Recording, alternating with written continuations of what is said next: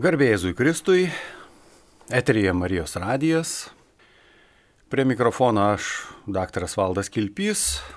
Ir šiandien prie radio imtuvų arba kompiuterių daugiausiai turėtų susirinkti tie, kurie studijuoja trečiojo amžiaus universitete arba žmonės, kurie domisi tobulėjimu ir mokslais. O tiksliau visi garbėjai Marijos radio klausytojai. Praeitoje paskaitoje, kadangi tai yra veikiau paskaita negu radio laida, kuri, kaip minėjau, skirta trečiojo amžiaus universiteto klausytojams, studentams, tai praeitoje laidoje kalbėjome apie dvi didžiausias abraomiškasias religijas - islamą ir judaizmą. Iš trijų, kadangi krikščionybė tarp, taip pat priklauso šitom religijom. Ir jeigu dar patikslinant, kalbėjom apie tų religijų išpažinėjų požiūrį į mirtį, į anapusinį pasaulį ir gyvenimo po mirties. Žodžiu, aptarėme mums saliginai artimų religijų pavadinkim, mirties reikalus.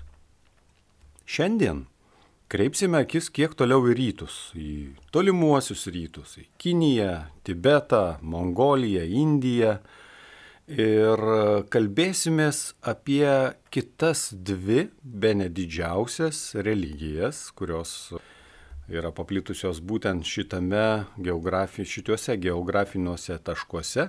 Tai yra kalbėsimės apie hinduizmą ir budizmą. Ir čia mirties reikalai nemažiau, o gal ir dar labiau svarbus negu praeitoje paskaitoje aptartose judaizme ir islame. Pradėkime nuo hinduizmo. Pirmiausia, aš e, laikysiuosi tokios tradicijos, kad vadinsiu jį būtent hinduizmu, nes e, kai kurie vadina jį ir hinduizmu. Ir šita religija gali būti pavadinta ir kaip ir hindu. Taigi, hinduizmas, ir čia reikėtų akcentuoti faktą, kad tai nėra religija pačia grinaja e, mums suprantama prasme. Tai yra labiau filosofija, pasaulyje žiūra, arba net, galima sakyti, bendruomenės elgsenos normų visuma, o ne labai griežtai apibriešta religinė sistema. Ir šitą aspektą giliau suprantame tik įsižiūrėję į pačią hinduizmo raidą laike. Geografiškai žvelgiant, hinduizmo ištakos yra Indijos pusėsalyje. Tačiau pati vieta dar nenusako šio tikėjimo sudėties. Tiek religinės praktikos, ritualų, pasaulyje žiūros kelio, vedančio įsilaisvinamą interpretacijomis, tiek garbinamais dievais galima rasti, priskirti didesnių ir mažesnių įvairių regioninių ir lokalinių variacijų. Tai ir dievų gausa, ir neretai net uh, atskiri maži kaimeliai turi savo dievybės, dievukus, e, kurios yra nežinomos kitoms bendruomenėms.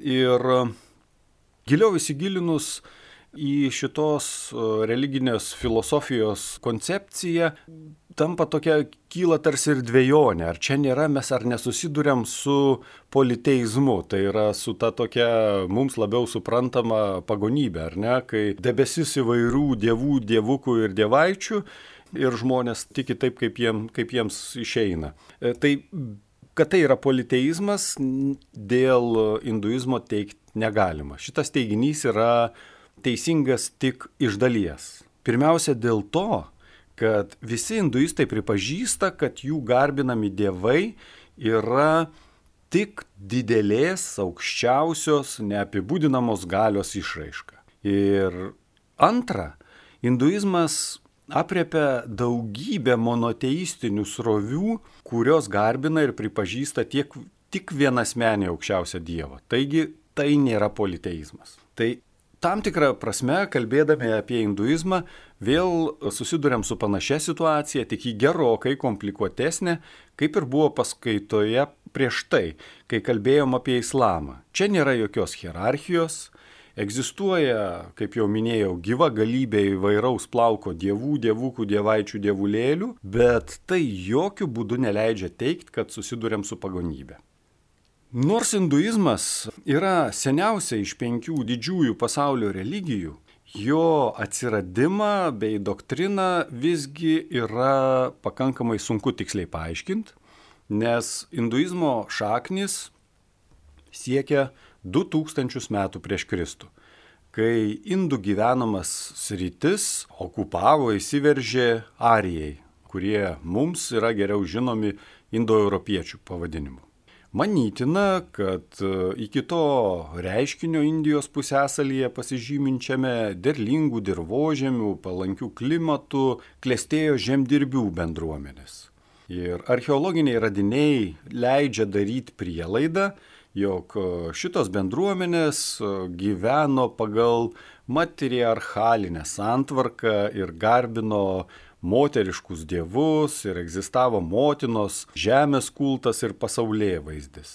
Taigi tarp 2500 ir 1600 metų prieš Kristų prie Indo upės buvo susikūrusios didelę teritoriją užimančios Mohendžo Daro ir Harapos miestų kultūrinės bendruomenės. Tiesą pasakius, apie šitas civilizacijas yra nemažai rašiusi ir lietuvių kilmės archeologė ir antropologė, archeomitologijos pradininkė, kuri tyrė Europos neolito ir bronzos amžiaus kultūras, Marija Gimbutienė. Ir jeigu kreiptumėm žvilgsnį į dabarties laiką, verta žvilgtelėti ne tik į neolito, bet ir paskutinių poros šimtmečių senumo pasikeitimus, tai žymiausi hinduizmo pokyčiai vyko Didžiosios Britanijos arba dabar vadinamos Junktinės karalystės valdymo ir Indijos nepriklausomybės gavimo metais. Buvo reformuoti, pats hinduizmas stipriai reformavosi. Ir e, reformatoriai siekė jį sumoderninti, atmesdami stabų garbinimą, populiarindami monoteizmą ir ypač e, mažindami kastų neligybę. Ir tarsi buvo formuojamas toks pačios Indijos kaip valstybės civilizacijos pagrindas. Iš to tokio didelio debesies tos mišrainės buvo norima sukurti tokią šiek tiek struktūruotą religiją. Ir kūrėsi vairūs sąjūdžiai, kaip pavyzdžiui Arija Samadžas, Brahma Samadžas, Ramakrišnos misija ir panašus. Ir e, be ne didžiausias ir geriausiai mums žinomas veikėjas e, buvo Mahatma Gandhi. E, jis išpopuliarino va būtent to religinio universalumo, prievartos atsisakymo, tiesos ieškojimo, tolerancijos, žmonių lygybės principus. Ir dabar tiesą pasakius, oficialiai, pabrėžiu oficialiai, yra draudžiama Indijoje diskriminacija religinių pagrindų, bet tai yra toks labai sąlyginis dalykas, nes ta diskriminacija pagal kastas niekur nedingo, ji tiesiog yra dabar labiau valdoma valstybinių lygmenių. Ir tarkim, neliečiamųjų kastų nariams e, yra rezervuojamos net ir vietos valstybinėje tarnyboje, aukštosiuose mokyklose ir panašiai. Tai tiesiog daroma viskas, kad e, tarp kastų nebūtų tokio didelio susipriešinimo ir įtampos. Ir Indijoje hinduizmą išpažįsta apie 83 procentus gyventojų, e, jo išpažinėjų yra Nepale, Šrilankoje, Pakistane, Bangladeše, Rytų ir Pietų Afrikoje. Žodžiu, situacija yra tokia, kad hinduizmą pasaulyje išpažįsta apie 15 procentų gyventojų. Taigi bendruomenė yra tikrai nemenka. Kaip ir minėjau, dievų panteonas šioje religinėje sistemoje kiekviename raidos etape smarkiai skiriasi. Pirmiausia, būta moteriškų dievų sistemos, po to įsivyrauja vyriški dievai, kurie asimiliuoja tas moteriškas dievybės ir jų vaizdinius, bet, žodžiu, galutinėme etape ir dabar e, lieka dominuot vyriškųjų dievų autoritetai. Kita vertus, hinduistinio panteono dievybės yra nuolat pasmerktos pokyčiams.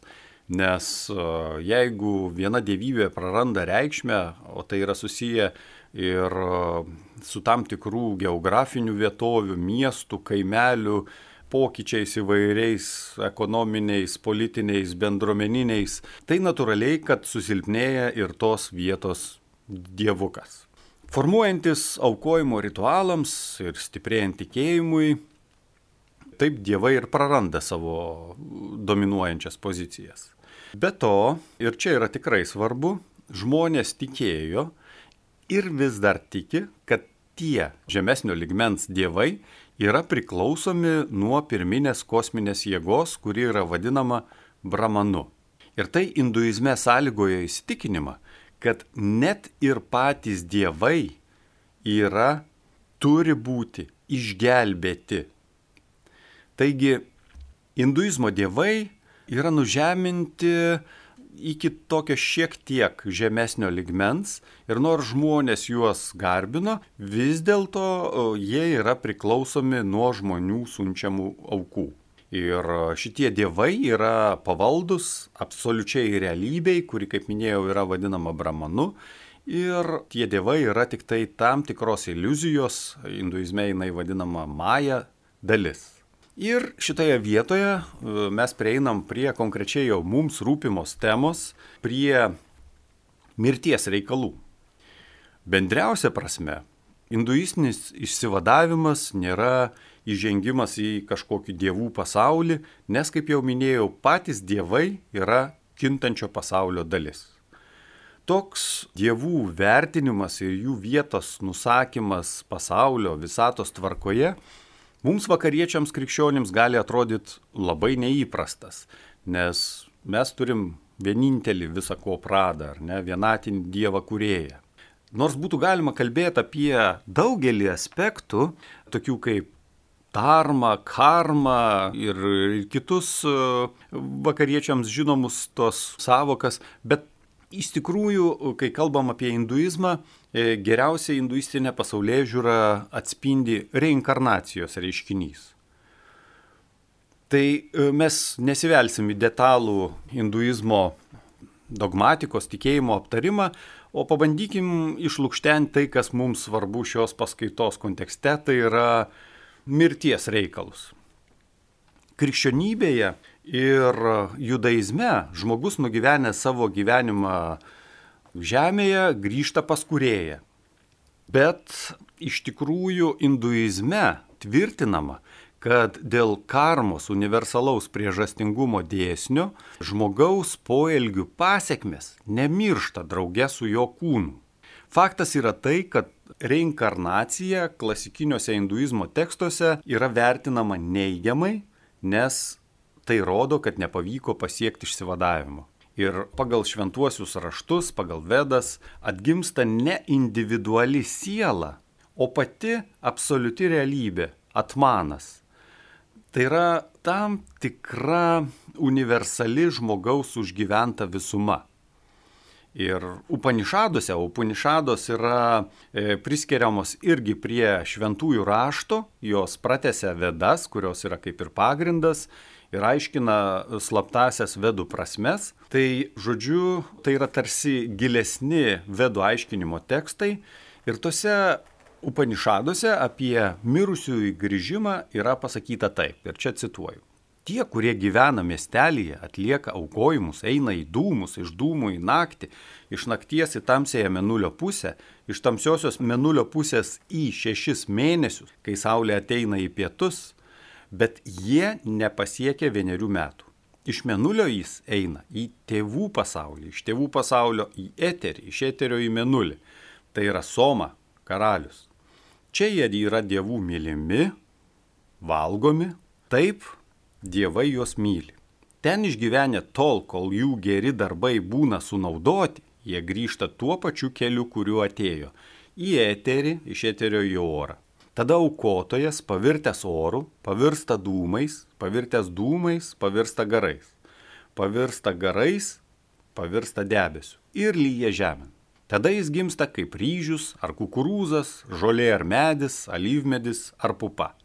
Ir iš čia išsivaduoti galima tik su didžiausiamis sunkenybėmis, nes asmenys ir gyvūnai, kad ir kas jie būtų, valgo tą maistą ir gimdo palikuonis.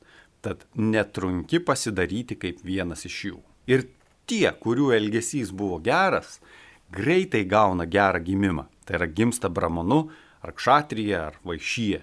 Bet tie, kurių elgesys buvo blogas, greit pasiekia blogo gimimo, gimdami šunių, šakalų ar panašiai. Taigi, tokia interpretacija viena iš tik iš interpretacijų Upanišaduose. Kitas žmogaus pomirtinės būties būklės variantas skamba taip, čia irgi cituoju. Kai žmogus išeina iš šio pasaulio, jis ateina pas vėją. Vėjas tada jam padaro vietą, kaip skylę vežimo ašyje ir per ją jis kyla aukštyn. Jis atvyksta pasaulį. Tada saulė jam padaro skylę ir per ją jis kyla aukštyn. Jis atvyksta pas menulį. Menulis tada padaro jam vietą kaip būgno tuštumą ir per ją jis kyla aukštyn ir atvyksta į pasaulį, kuriame nėra nei liūdėsio, nei sniego. Ten jis gyvena amžinuosius metus. Taigi, skirtingas interpretacijas mirties atžvilgių galėjo nulemti tiek skirtinga teksto autorystė, tiek skirtingas tekstų parašymo laikas. Ir kai kalbame apie reinkarnaciją ir pomirtinio žmogaus likimo sampratą, kaip ir kitų įvardytų aspektų ir reiškinių, apibūdinti vienu konkrečiu apibrėžimu, kas mums vakariečiams yra labai norisi tai daryti, Nu mes negalim to padaryti. Taigi, atitinkamai visa tai galioja ir pačiai hinduizmo religijai arba sistemai. Budizme šitie reikalai yra aptariami šiek tiek konkrečiau ir netaip miglotai. Prie to mes dar prieisim. Bet pirmiausia, dėrėtų apibūdinti tai, ką mes sužinojom apie hinduizmą. Pačiais bendriausiais bruožais e, galim padaryti keletą išvadų. Pirmiausia, kaip minėta, kad hinduizmas yra labiau tikėjimo tokia neapibrėžiama visuma, gal net filosofinė sistema, bendruomenės santvarka, gyvenimo būdas, o ne aiškia apibrėžtus teiginius turinti religija. Iš tiesų, net ir patys hinduistai nežino, kiek iš viso yra dievų, kokios yra religinės filosofinės rovės ir kryptis. E, net ir pats tas terminas hinduizmas yra atneštinis ir išorinės vakarų visuomenės įtakos pasiekmė. Ir visas šitas grupės apibriežti vienu terminu yra pakankamai sunku. Antra išvada, kad Indija nėra ta vieta, kur vyrauja tik hinduizmas. Indijos pusėsalyje galima priskaičiuoti daug įvairių smulkių sektų, o šalia hinduizmo matome ir islamą, krikščionybę ir kitas religijas. Ir trečia, vakariečiai gyvena stereotipinėme tame hinduizmo suvokime ir būsiu drasus teikdamas, kad vakariečių hinduizmas yra praktiškai neįkandama religija. Tai kita visata, kitas pasaulis, kitoks mąstymas. Na ir aš čia kažkaip man į galvą ateina, kad ir joga, kuri savo šaknis semia būtent hinduizme. Ji kilo iš e, hinduizmo religinės praktikos ir šiandien paplito vakaruose, tačiau dažniausiai yra akcentuojamas fizinis jos aspektas, o filosofinis kontekstas dėl ko gero per mažo vadinamųjų mokytojų, trenerių išprusimo dažniausiai yra iškreipiamas, pamirštamas arba tiesiog nesuprantamas. Ir aš nesigilinsiu šitos paskaitos rėmose, kokią žalą gali padaryti klaidingai interpretuotos rytų praktikos krikščioniui, bet turbūt patys suprantat, kad susidurėm su situacija, kada neišmanėlių praktikuojamas dalykas tampa žalingas ne tik fiziniam, bet ir dvasiniam lygmenyje. Ir noriu akcentuoti tai, kad e, joga kaip kitokio neįkandamo tikėjimo pasiekmė ir dalis iš principo yra krikščioniui labai keista ir tarpais net pavojinga negu tiesiog kūną lavinanti praktika. Jeigu jau nusprendėt ugdyti savo kūną, tai visiškai nebūtina kišti į savo galvą to, ko nesupranta patys e, jogos treneriai, mokytojai, kaip jie save vadina. Nes kvailio mokamas, kvailiu ir pavirsi.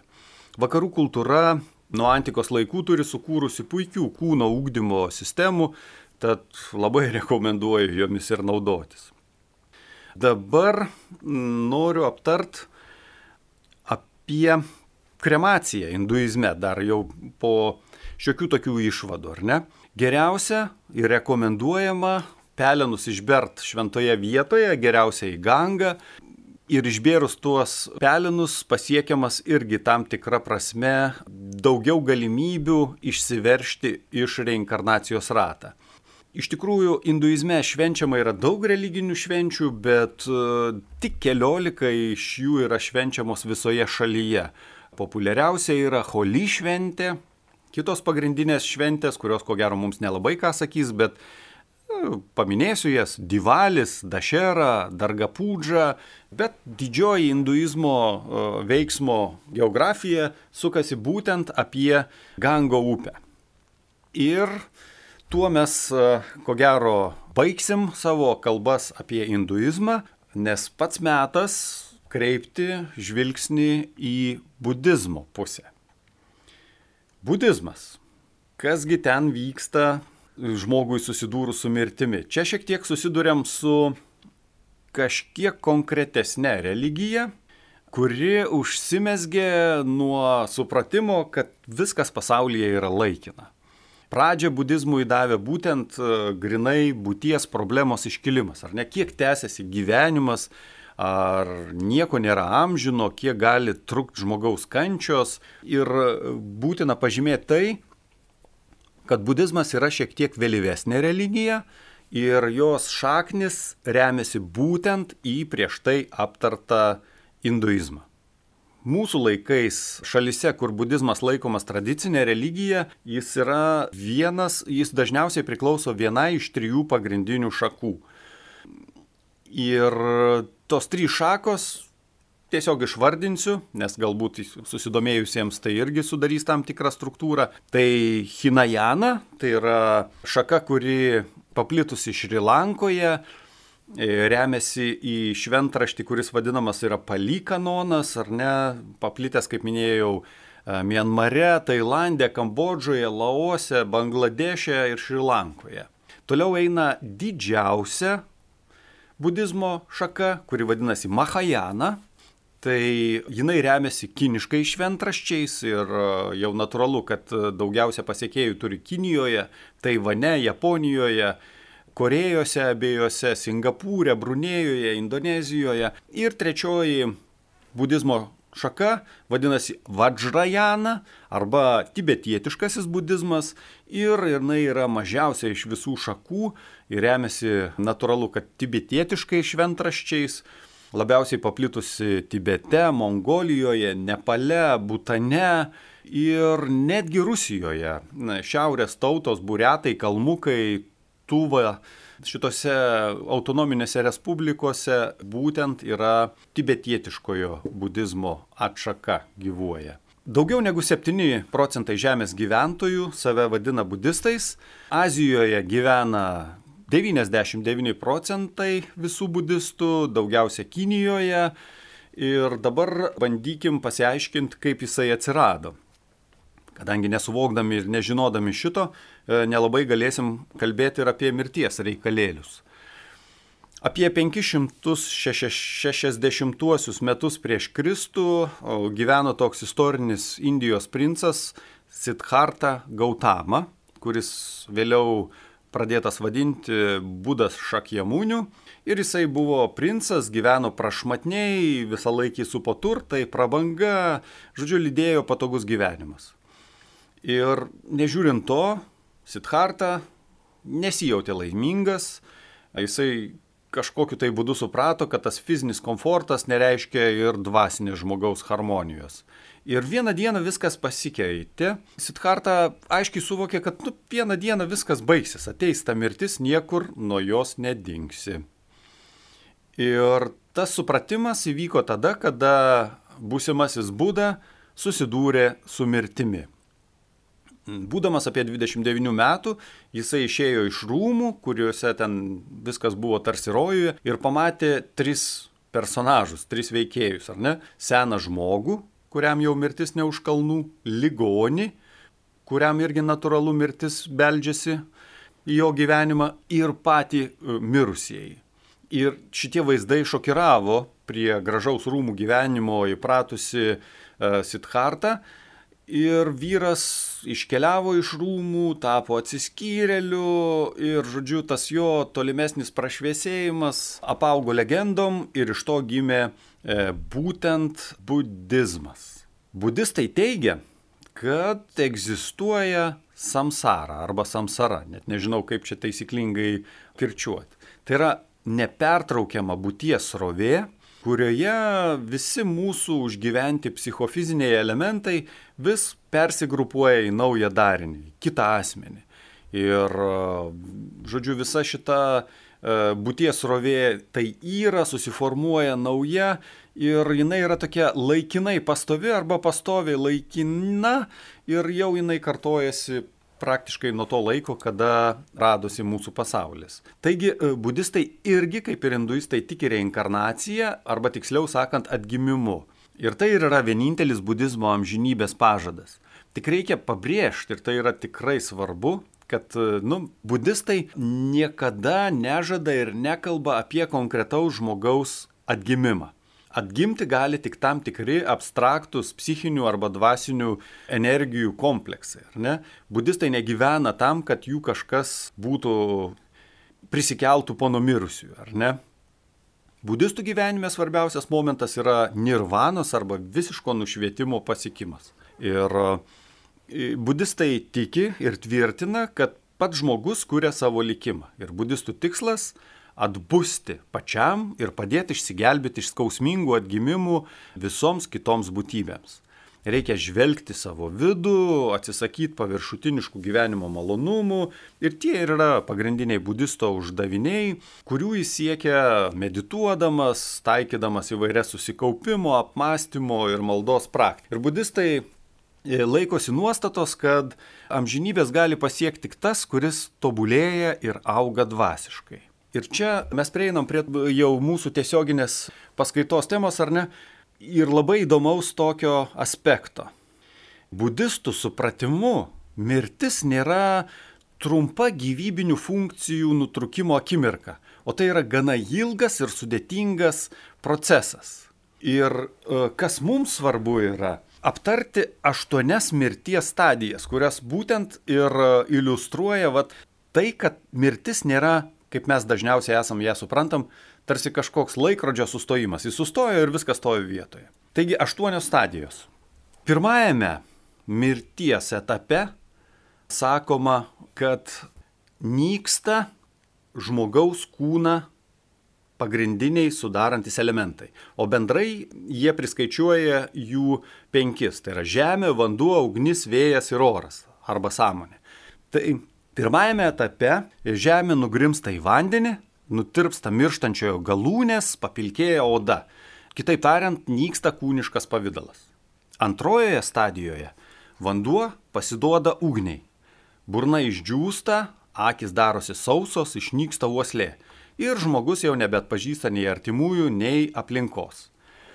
Trečioji stadija panaši į vėjo gesinamą ugnį. Mirštančiojo kūnas atšala, galūnės suledėja, suvokimas aplinkos visiškai išnyksta. Jodojoje erdvėje asmuo gali regėti kibirkštis, žmogaus kūną apleidžia gyvybinės pranos, tokios energijos ir jis jau nebegali nei sąmoningai judėti, jo įkvėpimai trumpėja, iškvėpimai ilgėja, galiausiai kvepavimas nutrūksta ir būtent šitame etape yra diagnozuojama fiziologinė mirtis. Pasak budistų, mirties procesas šitoje stadijoje nėra pasibaigęs. Bet tai jokių būdų ir nereiškia, kad mirusį galima atgaivinti, nes dar gyvuoja jo subtilioji sąmonė. Ir taip prieinam prie kitų mirties stadijų. Žmonės, kurie suvokė savo proto prigimti, gali sąmoningai kontroliuoti mirties procesą ir išgyventi vaiskėje šviesą. Tai yra toks kitas Dievo pavadinimas arba kelias į nirvaną. Ir sudrumstos ir nejautrios sąmonės žmonės vaiskėje šviesą regi tiek, kiek trunka spraktelėjimas pirštais, o kiti, pasakų panišadų, tiek, kiek užtenka suvalgyti pietus. Tačiau kartais šitas švitėjimas trunka keturias ir daugiau dienų.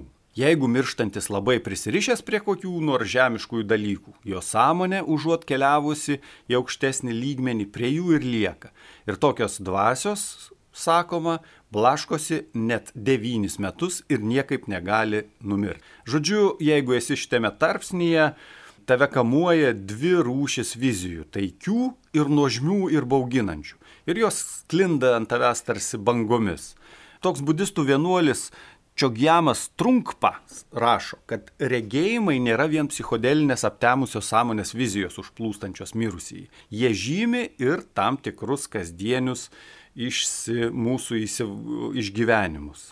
Ir būtent šitoje stadijoje pasirodo ir dievybių pavydalai, bet budistai sako, kad šitiems pavydalams neverta pasiduoti. Reikia numirinėti toliau. Ir karminiai vėjai nubloškia mirusiojo sąmonę į pragaro lygius e, ir, ir aplanko ir pragarus. Žodžiu, tu esi blaškomas e, savo susikurtų vaizdų ir pragarų tose įvaizdžiuose. Ir taip žmogus toliau mirinėja, ar ne? Ir e, žvelgiant tolyn, jeigu atsitinka taip, kad e, tavo subtilioji sąmonė nesusilieja su vaiskiaja šviesa, tuomet vėl prasideda tapsmo etapas, kai mentalinis pavydalas ieško naujo įsikūnyjimo, kuris e, gali trukti nuo vienos iki septynių savaičių. Ir tas va besiblaškantis sąmonės rautas, bet tai nėra siela mūsų supratimu, e, kartais net bando patekti į savo paties kūno palaikus, bet tai yra neįmanoma. Net e, ir šitame paskutinėme etape yra vis dar išlieka viltis susilieti su ta vaiskiaja šviesa, bet jeigu nepasiseka, tai naujas įsikūnyjimas neišvengiamas. Ir tada tas ratas sukasi, sukasi ir taip viskas kartojasi iš naujo. Tai va tokie pagrindiniai budizmo mirties etapai, gan įdomus pasakyčiau, bet pagrindinis e, budistinis požiūris, kuris mums šiuo atveju mūsų paskaitos kontekste yra svarbus, yra tai, kad mirimas nėra tarsi spraktelėjimas pirštais, jis yra besitęsiantis procesas. Taigi, Tęsiasi ir mūsų gyvenimas šitais neramiais laikais. Vis stovime abipus mirties sienos ir bandome daryti viską, kad tada, kai viešpats mus pašauks, niekas negalėtų tart, kad mes prie tos sienos buvom nelegalai. Tikrame tikėjime ieškom, laukiam ir sutinkam Dievą ir Jo sūnų ir šventąją dvasę. Ir būtent švenčiausioji trejybė yra svarbiausia gyvenimo šventėje ir mirties momente, o ne vien mūsų pojūčiai belaukiant tos mirties. Ir apaštalas neveltui sako, tokiagi Dievo valia, jūsų šventėjimas. Tokia turėtų būti ir mūsų žemiškųjų žibintų šviesa. Ir būtent ją, ta šviesa, apšviečiame ir savo mirties laiką. Susipažinome, trumpai aptarėme su hinduizmo ir budizmo pavadinkim, mirties reikalais, smalsu, įdomu, galbūt šiek tiek praturtina, bet neužmirškime tikrosios žibinto šviesos, Jėzaus, apšvieskime savo žemiškaisiais žibintais, kaip minėjau, ir savo mirties laiką ir viskas bus gerai. Eterija Marijos radijas, klausėtės laidos, kuri buvo skirta trečiojo amžiaus studentams ir visiems Marijos radio klausytojams. Prie mikrofono buvau aš, daktaras Valdas Kilpys. Su Dievu, gyvenkime, kol gyvenasi.